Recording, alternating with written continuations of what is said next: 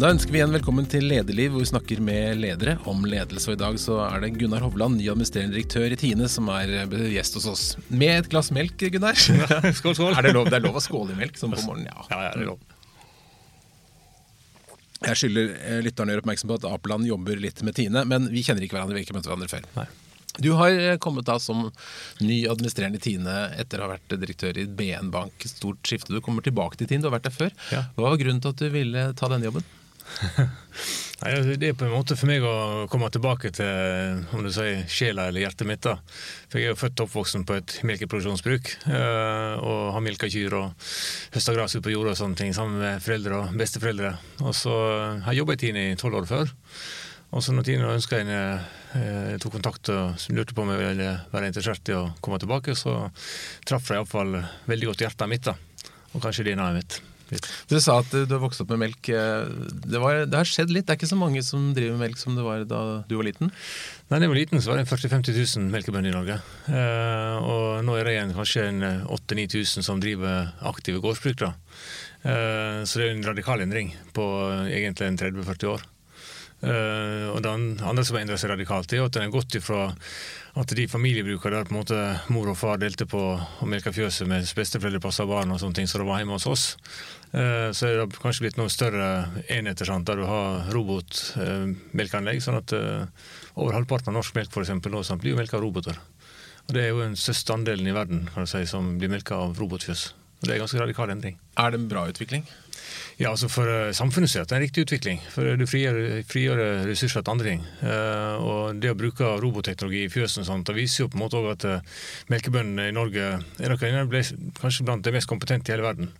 Eh, fordi at eh, du ser det på sykdomstallet i besetningene våre at vi har laveste, altså de friskeste dyra.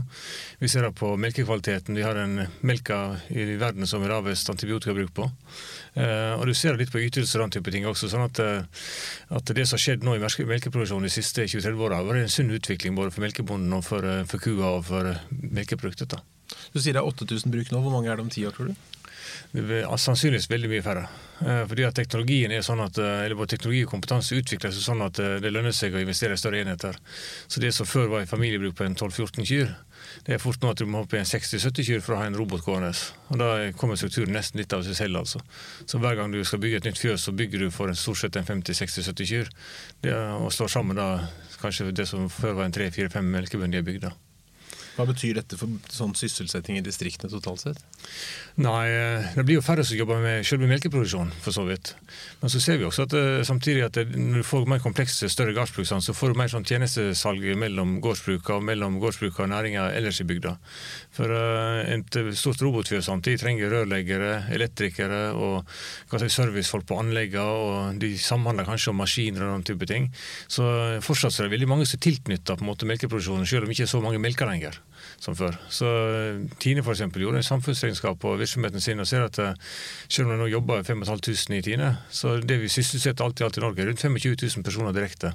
Pga. all tilknytta virksomhet også til både Melkebonden og til, til Tine som virksomhet. Når du går til denne nye jobben nå, eh, hva er ambisjonene? Hva vil du gjøre med Tine? Ja, så Ambisjonen med, med jobben her er jo eh, primært egentlig det at eh, det Tine sin ønske og visjon er at du skal skape matglede for det norske folk. Så eh, det vi ønsker å få til, er jo å videreutvikle Tine langs den kursen allerede er på. Så det er ikke snakk om noen revolusjon eller at vi skal liksom snu opp ned på Tine. For det er gjort en veldig god jobb i Tine over lang tid. Så det vi jobber med å forsterke enda mer, det er alt det som går på innovasjon og si, forretningsutvikling innenfor butikken, sånn at du som forbruker møter Tine-produkter som er relevante for deg i de brukssituasjoner du har. Eh, For det som også er en veldig stor endring i Norge sammenlignet med før i tiden, er jo at eh, når eh, familier når jeg var liten, så var jo familiefrokosten før vi gikk på skolen var jo faktisk et måltid som alle satt ved. Tilsvarende så spiste vi jo kveldsmat sammen alle sammen. Nå er jo folk mye mer på bevegelse sant, og ute og bruker mat i helt andre situasjoner. Og så Den viktigste jobben for tiden er jo på en måte å drive innovasjon og utvikling, sånn at du treffer forbrukeren der er til enhver tid, med relevante produkter som passer til trening eller til alderdom. eller til folk, for Vi ser jo at det er mange trender i samfunnet som på en måte krever et annet type kosthold. Ja, For melkeforbruket går ned. Melkeforbruket har gått ned eh, radikalt. Den vanlige hvitmelka som vi sitter og drikker her, sånn, det drakk vi jo en 178 liter av per capita for, uh, på 80-tallet. Og nå drikker vi en 70-80. Så det er klart, uh, vanlig hvitmelk er ikke så veldig mange som drikker lenger. Du har noen storforbrukere uh, som driver med trening og den type ting. Men du ser samtidig at antall produkter som har sitt utgangspunkt i melk, som du bruker til trening, restitusjon, til eldre, til yngre, alt det der, har økt radikalt. Så antall varianter finnes der ute i stort monn. Men selve hvitmelka som du har på en vanlig lettmelkskartong, den drikker vi mindre av. Men uh, dere har jo, det, det kommer stadig nye utfordringer, og miljø og klima har blitt et uh, viktig tema. Også mm. der får jo landbruket og Tine en del kritikk. Hvordan, hvordan vil du løse det? Det er også en kjempestor utfordring som eh, vi jobber med, som går på det, og det, det er på tvers av hele bedriften å jobbe med bærekraftige misjoner.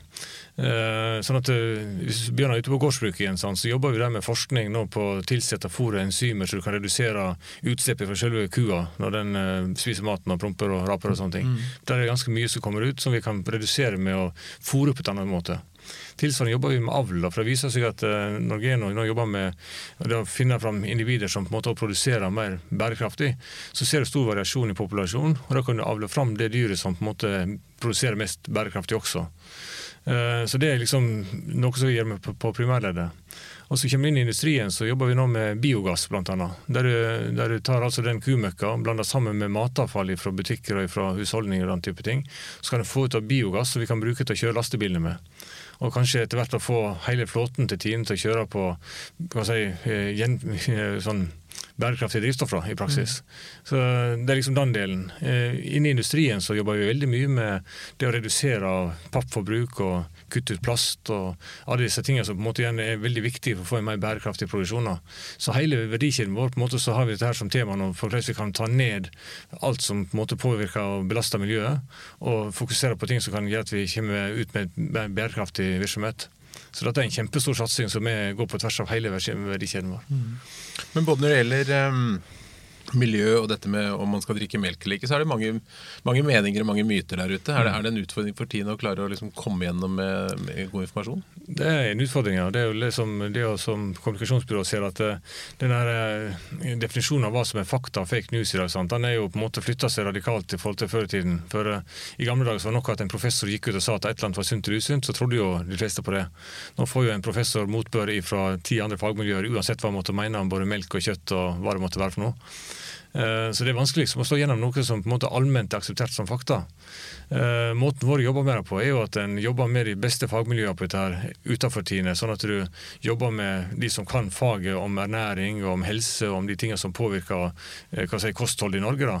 Og så følger vi de norske kostholdsrådene, som er tross alt det som er, søst, eller er mest konsensus om i Norge når vi liksom går ut og lager anbefalinger. Så vi, vi jobber jo med fagmyndighetene i Norge og med fagmiljøet i Norge på det å lage kostholdsråd som iallfall det mest mulig konsensus rundt. da. Og så vil det alltid være folk som sitter og leser artikler ute som mener mye annet. Og det er ikke nyttig. Det vil være så sant, men Men er det frustrerende at du må kjempe mot myter? Av og til så tenker du at uh, du kunne godt tenkt deg at eh, de kanskje hadde uh, ja, forholdt seg til fakta. Da. For det blir liksom uh, litt det samme som legevitenskapen sliter med. noe sånt. Denne Internettdoktoren er jo i ferd med å bli den farligste doktoren. For alle sammen har jo gjort en liten prediagnose før de kommer til doktoren. Eh, og det skaper jo veldig mye krøll for doktoren også, sant? at du må liksom kjempe mot internettdoktoren først, før du kan komme til den reelle diskusjonen. Og litt sånn også er det med kosthold og uh, mat og ernæring, at uh, det er veldig mange som lager seg oppfatning av myter da, basert på at du kan en lite fragment av virkeligheten. Og så da på en måte de, de som jobber med dette på heltid, sant, og som tross alt har innsikt i hva vi driver med, og som er professorer i ernæring, de, de som kanskje har skjønt hva vi snakker om, kanskje ikke nødvendigvis en artikkel på VG hele tiden. Hva blir den største forskjellen å i, mellom å jobbe i eh, bank og jobbe i Tine? Det er litt forskjellig eierskap, blant annet? Ja, det er veldig forskjellig eierskap. Uh, Tine er jo eh, eid av melkebønder. Så de eier jo alt av Tine. sant? Og Melkebonden har den forskjellen kan si, i forhold til banken at de eier jo Tine for å få mest mulig verdi ut av melka si.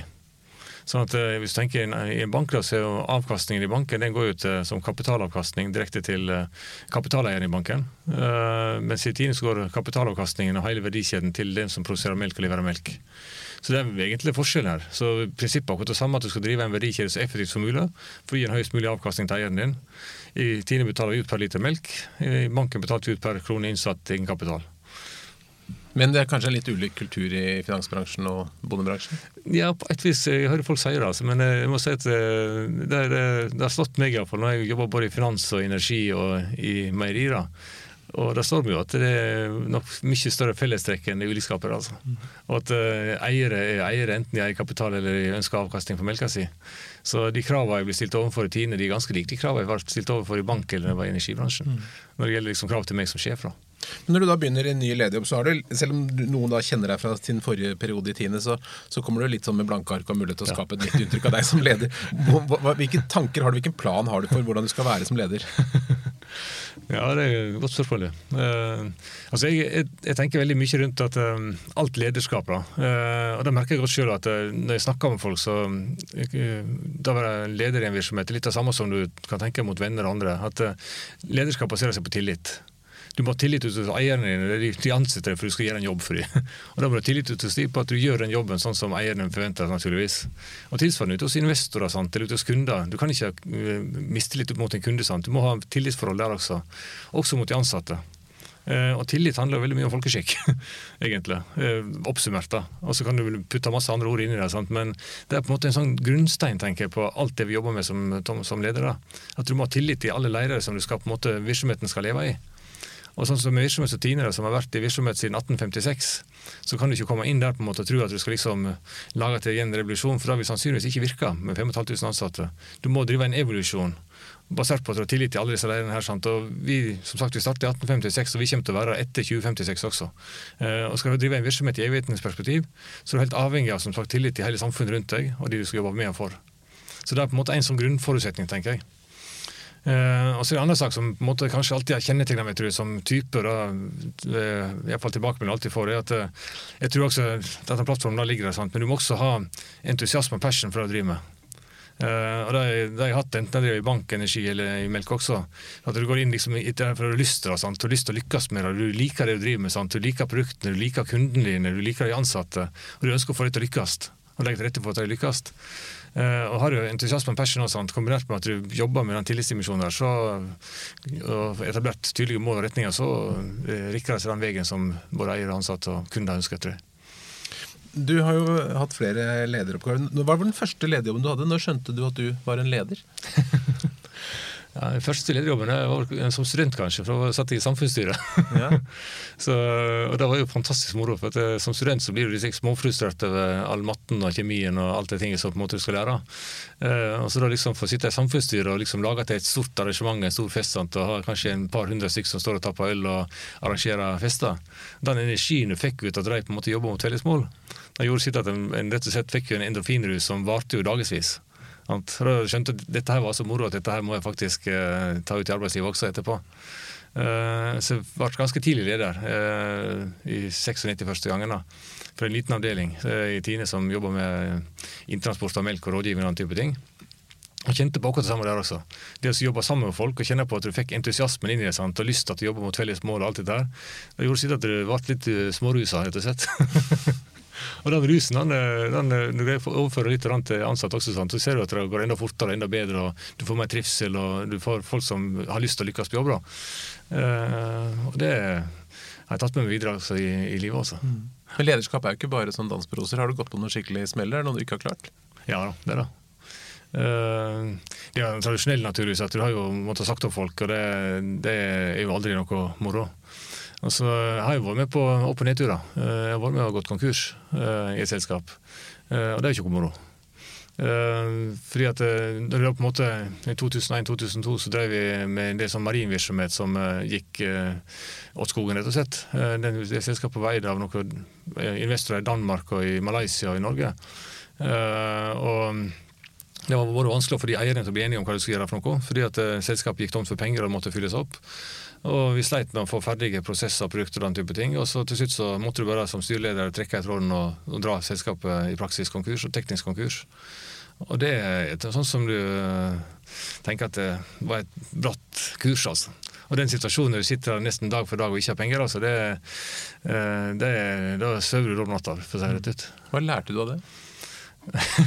kanskje viktigst at, eh, at, uh, dette må en uh, altså når, når, du jobber etterpå, sant, uh, du ser tegnene på at ting ikke går etter veien, så det har stoppe i tide med ting som ikke går bra.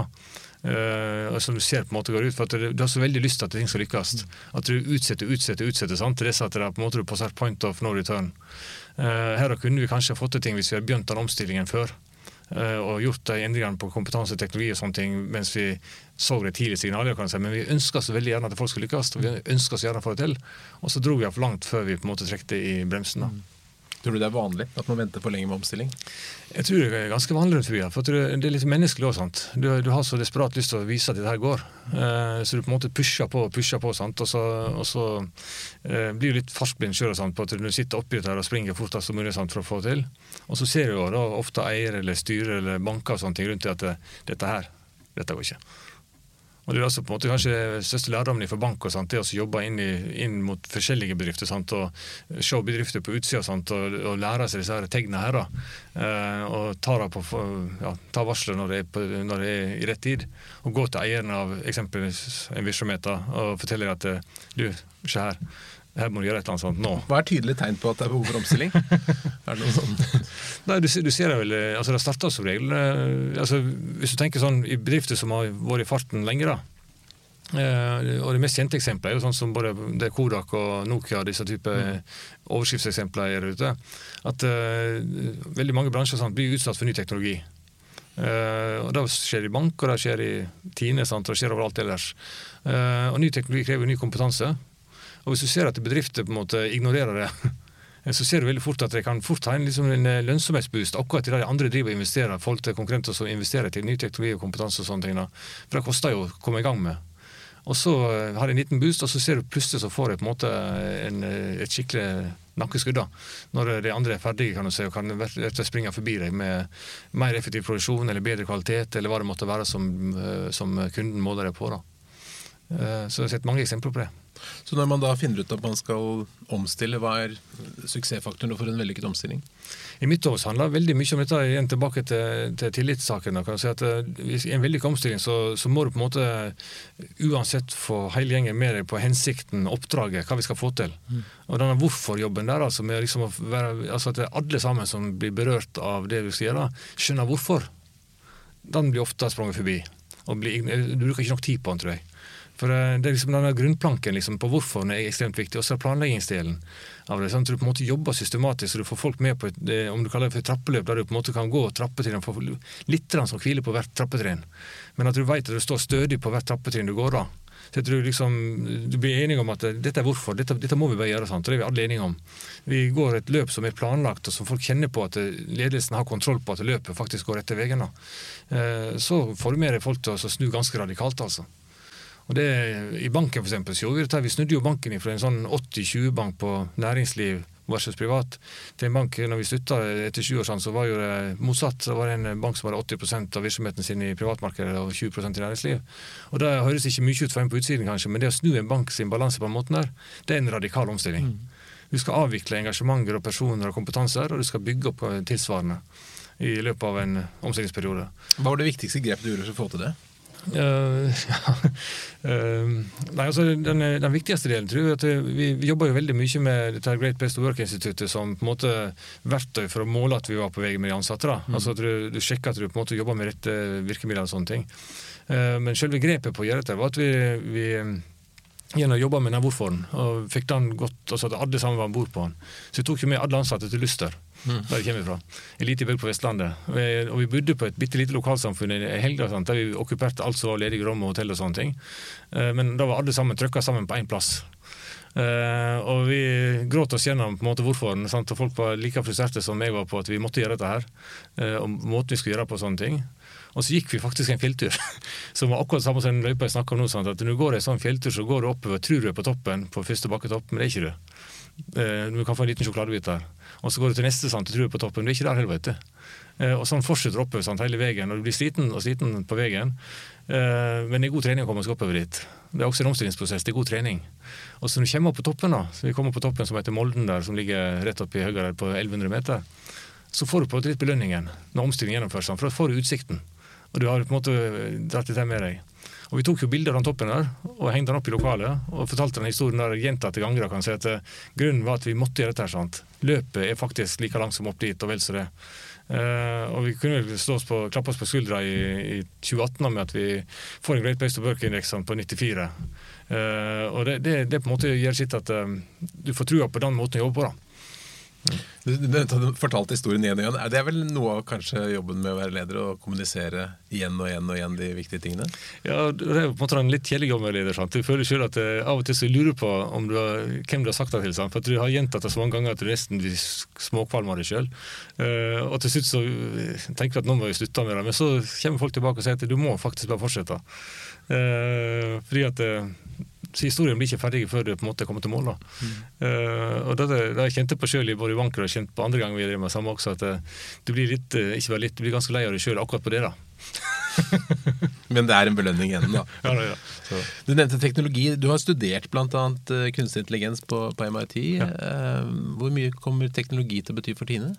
Eh, teknologi betyr allerede veldig mye for Tine, eh, og kommer til å bety enda mye mer. For eh, jeg tror altså Det som har skjedd i Tine, er jo Jeg starta med å snakke om melkebønder sånn, som robotiserer melka si og, og, melkingen sin. Og Kommer du inn i virksomheten vår, sånn, så jobbes det jo veldig mye med vi har en sånn egen teknologilab sånn, som går på at ifra melka kommer inn i meieriene, sånn, så er det egentlig en stor teknologifabrikk alt sammen. Uh, og vi bruker mer og mer roboter til å gjøre jobben inn i fabrikkene våre. Og vi har kjempestor datamengder å, som kommer ut etter, så vi kan bruke til analyser og forbedre arbeidet vårt. Og Et veldig godt eksempel i Tine akkurat nå, sant? det er noe som heter Mimiro. Som er et um, selskap som er skilt ut fra virksomheten og som går på bruk av big data fra melkeproduksjon. For Det viser seg at uh, vi har jo 100 års tallserier på, på, de kuene som produserer for oss, altså tilbake i tida. Uh, dette er ekstremt interessante tallserier for å drive forretningsutvikling på for andre enn Tine også. Uh, og det, Den dataserien der, og det driver med big data og med maskinlæring og med kunstig intelligens for å på en måte knekke det om til data vi kan bruke til å planlegge hvordan du kan produsere mer effektivt, eller hvordan du produsere med bedre kvalitet, eller uh, lage til ting sånn at alle sammen kommer bedre ut av det. Den er vi helt i starten på. Så det jobber jo nå en 40-50 mann sant, med å, å, få det konseptet opp og stå med, sammen med selskaper som type Amazon og, og dets like. Altså der du, du bruker altså eh, kompetanse som Norge sliter med å ha noe av. eh, som vi må hente inn fra diverse andre land også. Mm. Mm. Men det, det, med å skille ut en egen enhet, det ser det mange som gjør, lager innovasjonsenheter og mm. nyheter. Tror du det er et uh, nødvendig grep mange steder for å klare å få til innovasjon?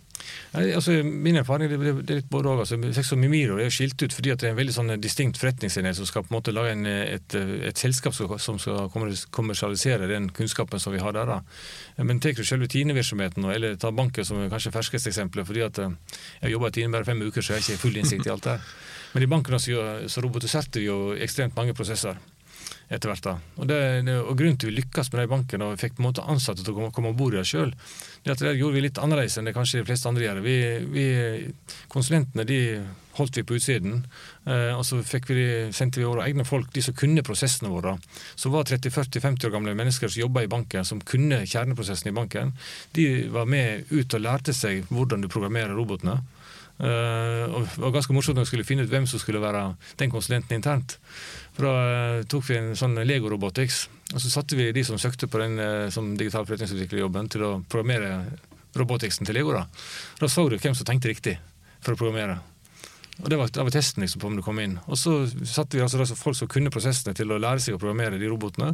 Og Det er de som på en måte har gjort dette. her. Og Det morsomme med det eksempelet er at eh, når konsulentene så på oss, så sa de at banken eh, kunne robotisere maksimalt en sju-åtte prosesser som var lønnsomt å ta ut. Det er disse her ansatte sjøl definert nå, er over 100 prosesser. Når folk sjøl lærer seg kunnskapen om dette her, og lærer seg teknologien, og du får på en måte bli en kultur på at du faktisk embracer det. Altså. Mm. For det som også skjer Når egne ansatte lærer seg ny teknologi, så ser folk at du får et nytt forbilde. Og du ser at det er vanlige dødelige sant, som har fått dette her, som ikke kunne det før. Da motiverer andre også sant, til å gå inn i det. Sant? For du ser at det, dette er ikke å være noe annet. Uh, så det, jeg har veldig tro på det å altså, jobbe med, med organisasjoner, kan jeg si, sånn at de sjøl går om bord i det. Det tar litt lengre tid, men da får du veldig mye mer momentum i, i jobben når du først drar veien. Men i utgangspunktet, det å komme og si til ansatte tipper at nå skal vi innføre roboter som kan gjøre deres jobb mye ja. raskere og billigere, det er jo ikke et lettsolgt budskap? Nei. det er ikke lettsolgt budskap, men si hvis alternativet er at hvis ikke gjør det, så har vi kanskje ikke en arbeidsplass. Eh, så er jo det et mye rettere sånt budskap. Mm. For det er jo litt stek her også at uh, Hvis du tar igjen disse mest kjente eksemplene, som Nokia eller, eller mm. Kodak, så, sånn, så visste jo Kodak om dette her eh, digitale kameraet. Sånn. De hadde jo liggende i skuffen sin og visste godt om det. Mm. De lot være å gjøre noe med det fordi at det kom til å ødelegge businessen deres. Og litt av samme tror jeg også for Tine eller for BM Bank. Da, at vi, Når vi vet om at den teknologien finnes, og vi ikke bruker den, skal vi være helt sikre på at noen andre gjør det.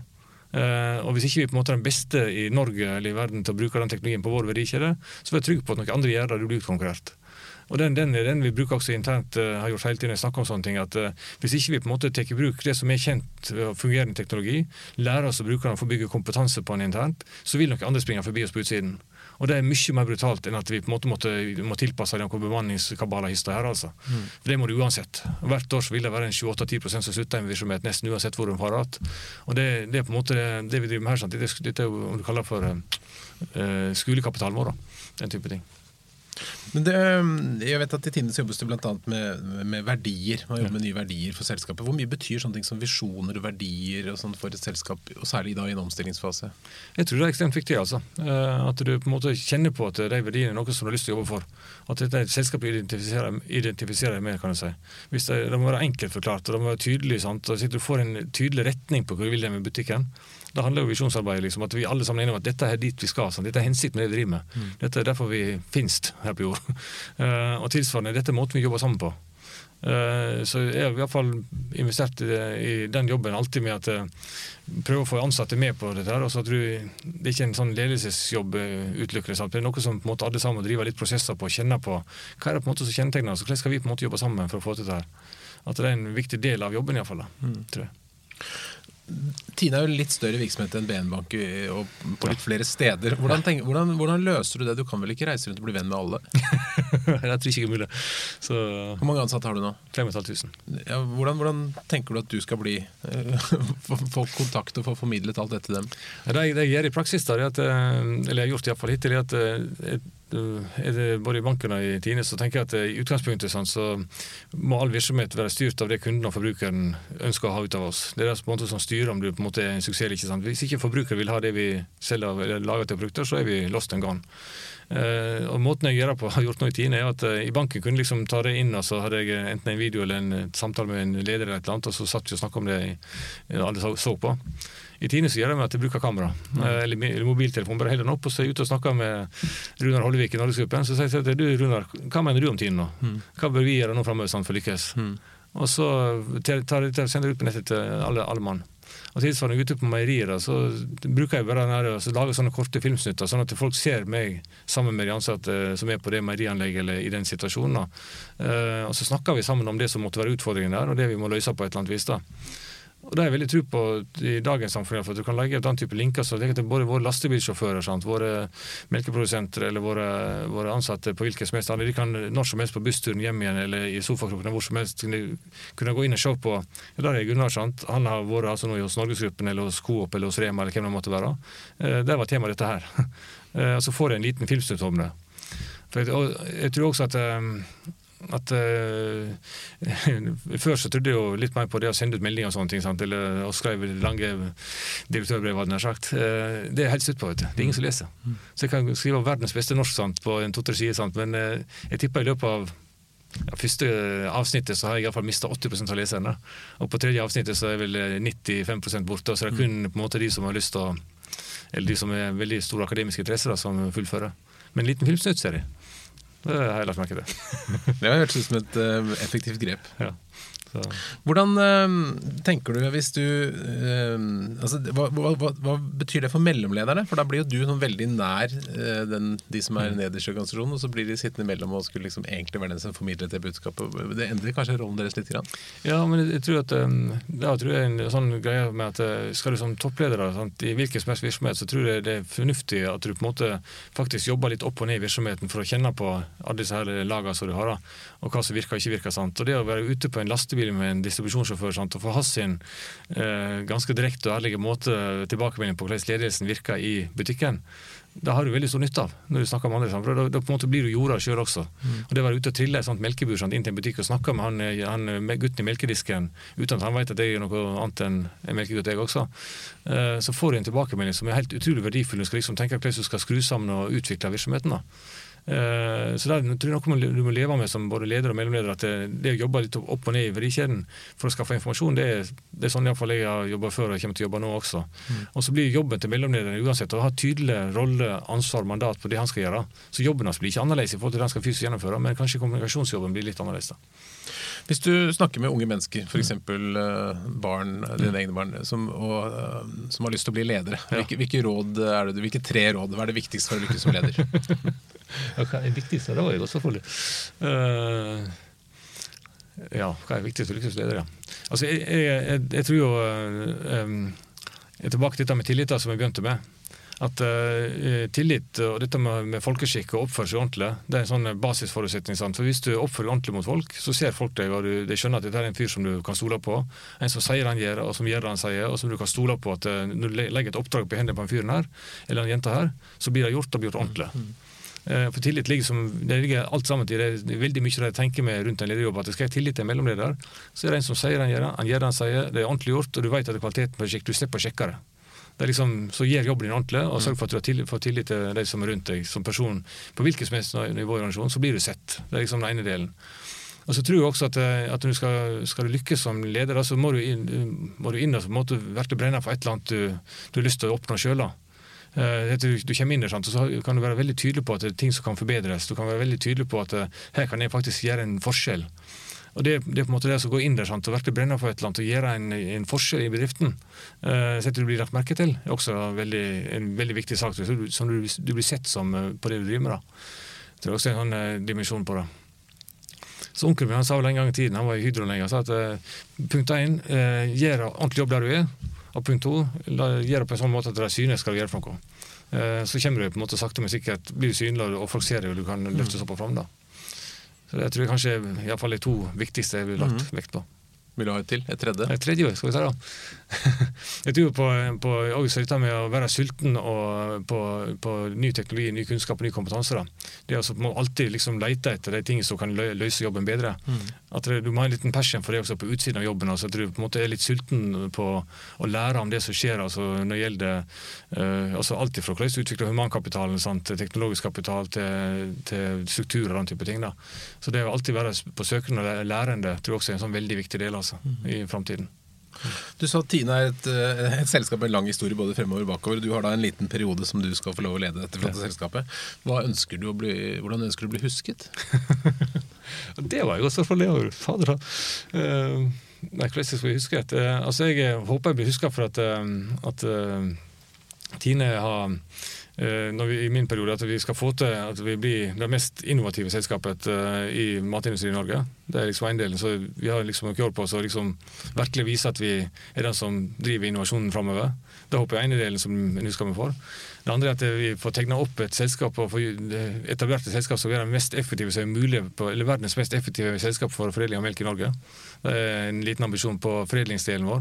Ingen skal kunne foredle melk mer effektivt enn oss i Norge noensinne fordi vi skal bruke all kjent teknologi og kompetanse på det. Så det tenker jeg er veldig viktig. Eh, og så Det siste at vi har fått jobba ut en kultur en organisasjon som på en måte eh, har, eh, ja, har, i seg all kultur som til for at du driver en kontinuerlig forbedring og kontinuerlig på en måte er på hugget på å bli bedre på innovasjon og bedre på å drive effektivt hele tid. Så liksom det er en sånn evigvarende maskin som bare fòrer med ledere og sultne ansatte, unge folk som har lyst til å søke seg inn hit, som virkelig elsker å drive med dette Her, Sånn, som brenner for oppgaven med å og sørger for at vi på en måte blir en levekraftig virksomhet også etter 2056. da. Gunnar Hovland, tusen takk for at du kom til Lederliv. Lederliv er en podkast fra Apeland. Redaksjonen består av Ellen Paulsen, Lars Jarle Melum og meg, Ole Kristian Apeland. Og du kan kontakte oss på kontakt at lederliv.no.